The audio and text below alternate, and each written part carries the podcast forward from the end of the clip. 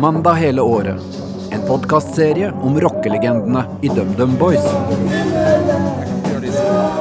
De kalte meg Spekki og Pølsa.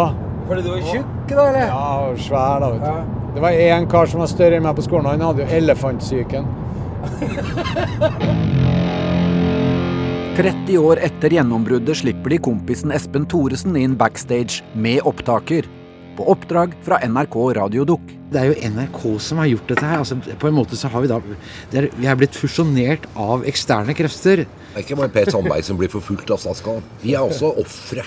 Ja, Men det er ikke bare jeg som har sagt ja til dette, Steinar. Det har dere gjort også. Jeg er motvillig. Går det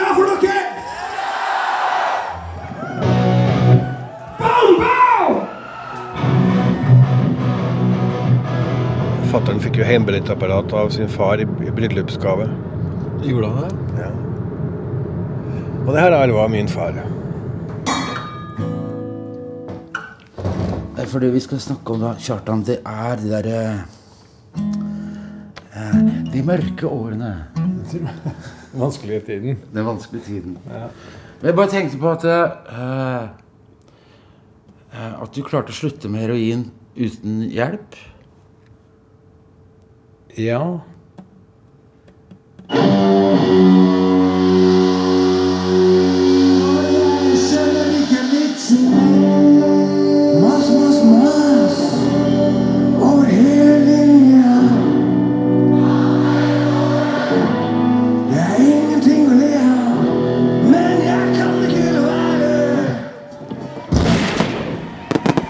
Mandag hele året kommer 10. oktober.